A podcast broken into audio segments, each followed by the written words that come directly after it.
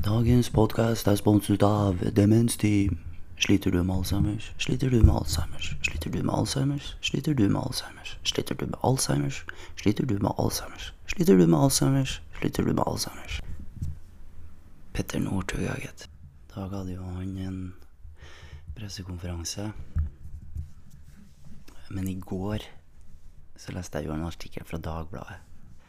Der overskrifta var 'Slik er Northug superbil'. Da er jo den saken jeg går fra den kriminelle handlinga over til at det er en kul bil. Så det er helvetes media som hele tida skal være sånn klikkorder. Det er jo en stor personlig tragedie for han her, da. Det er jo ikke en tragedie for meg. Og det kunne jo selvfølgelig ha blitt en tragedie for noen andre òg. Hvis da hans eh, råkjøring hadde resultert i å ha tatt livet av noen. Altså, alle vi er jo enige i at det han har gjort, er feil. Og jeg er heller ikke noe moralsk politi her som som sier at man aldri har gjort noe feil her i livet. Det har jo alle sammen gjort. Men hva er egentlig tragedien her, da? At han lå med masse damer og tok masse kokain og levde som en rockestjerne? Altså Folk høres det ut som om man har kasta bort alle pengene sine på dop og festing. Altså, det går bra med en Petter.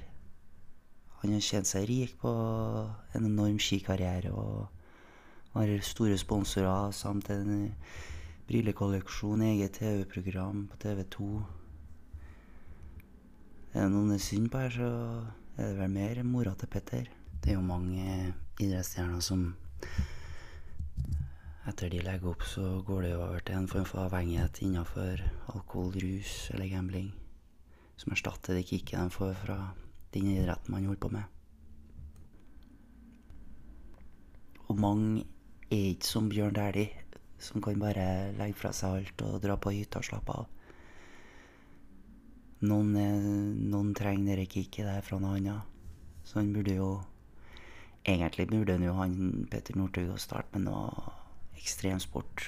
Stå på snowboard, fjellklatring, altså fallskjermhopping. Det virker jo som mer om at han bruker stoffet her som mer som medisin enn til bare vanlig festbruk. Så må vi jo også huske på at det her er jo andre gangen jeg blir tatt for å ha vært i påvirka tilstand og vært ute og kjørt. Altså Første gang jeg ble tatt, holdt han jo på og tok livet av seg sjøl og en kompis i samme tilstand. Nå var det jo selvfølgelig flaks at han ikke tok livet av noen helt tilfeldig. I tillegg så går han rundt og filmer det der mens han kjører i 200 km i timen.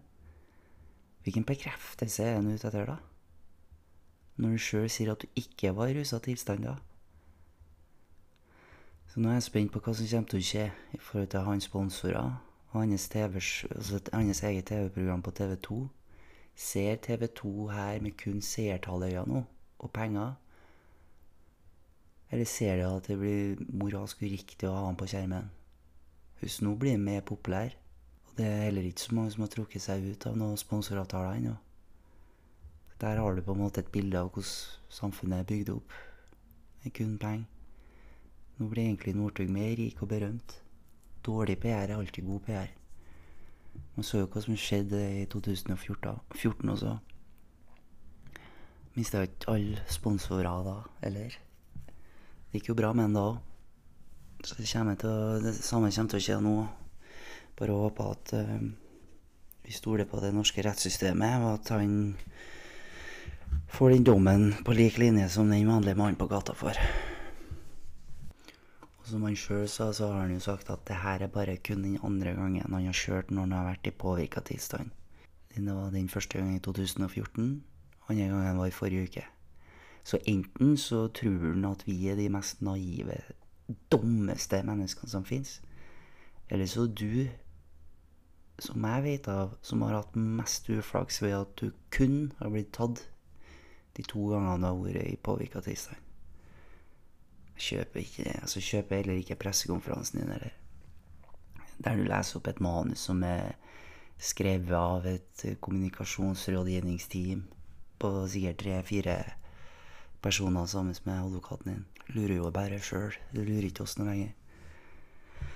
Men nå så er det jo viktig at du finner på en måte en erstatning for rusen da, med noe sunt.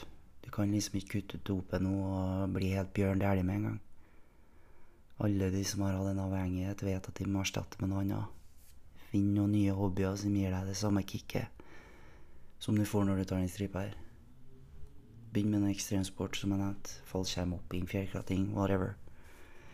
Finn noe for å erstatte den skiten her. Og det eneste positive jeg kan Altså, det er jo ikke noe, egentlig noe positivt ut av den saken her, men det, det jeg kan se kan være litt positivt, det er jo at eh, man får en, da, en smitteeffekt ved at folk søker om hjelp. At de som ser han som et forbilde, også som er i samme hølet som han, velger da å få hjelp. Han måtte jo nå bo inn. Det var ikke han sjøl som gikk ut og sa at han hadde et problem. Det måtte skje noe, han måtte bli tatt for det.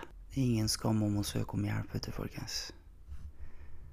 Da du viser styrke. Det er ingen svakhet i det. Jeg sier at du har 40 000 sedler som er funnet i bilen, og så sier at han har veksla det inn etter Spania-tur. Midt under den tida vi lever i nå, med koronaen og stengte grenser. Spar meg, Kiss. Ja. Nå kommer Petter. Neste på poden nå er e-post.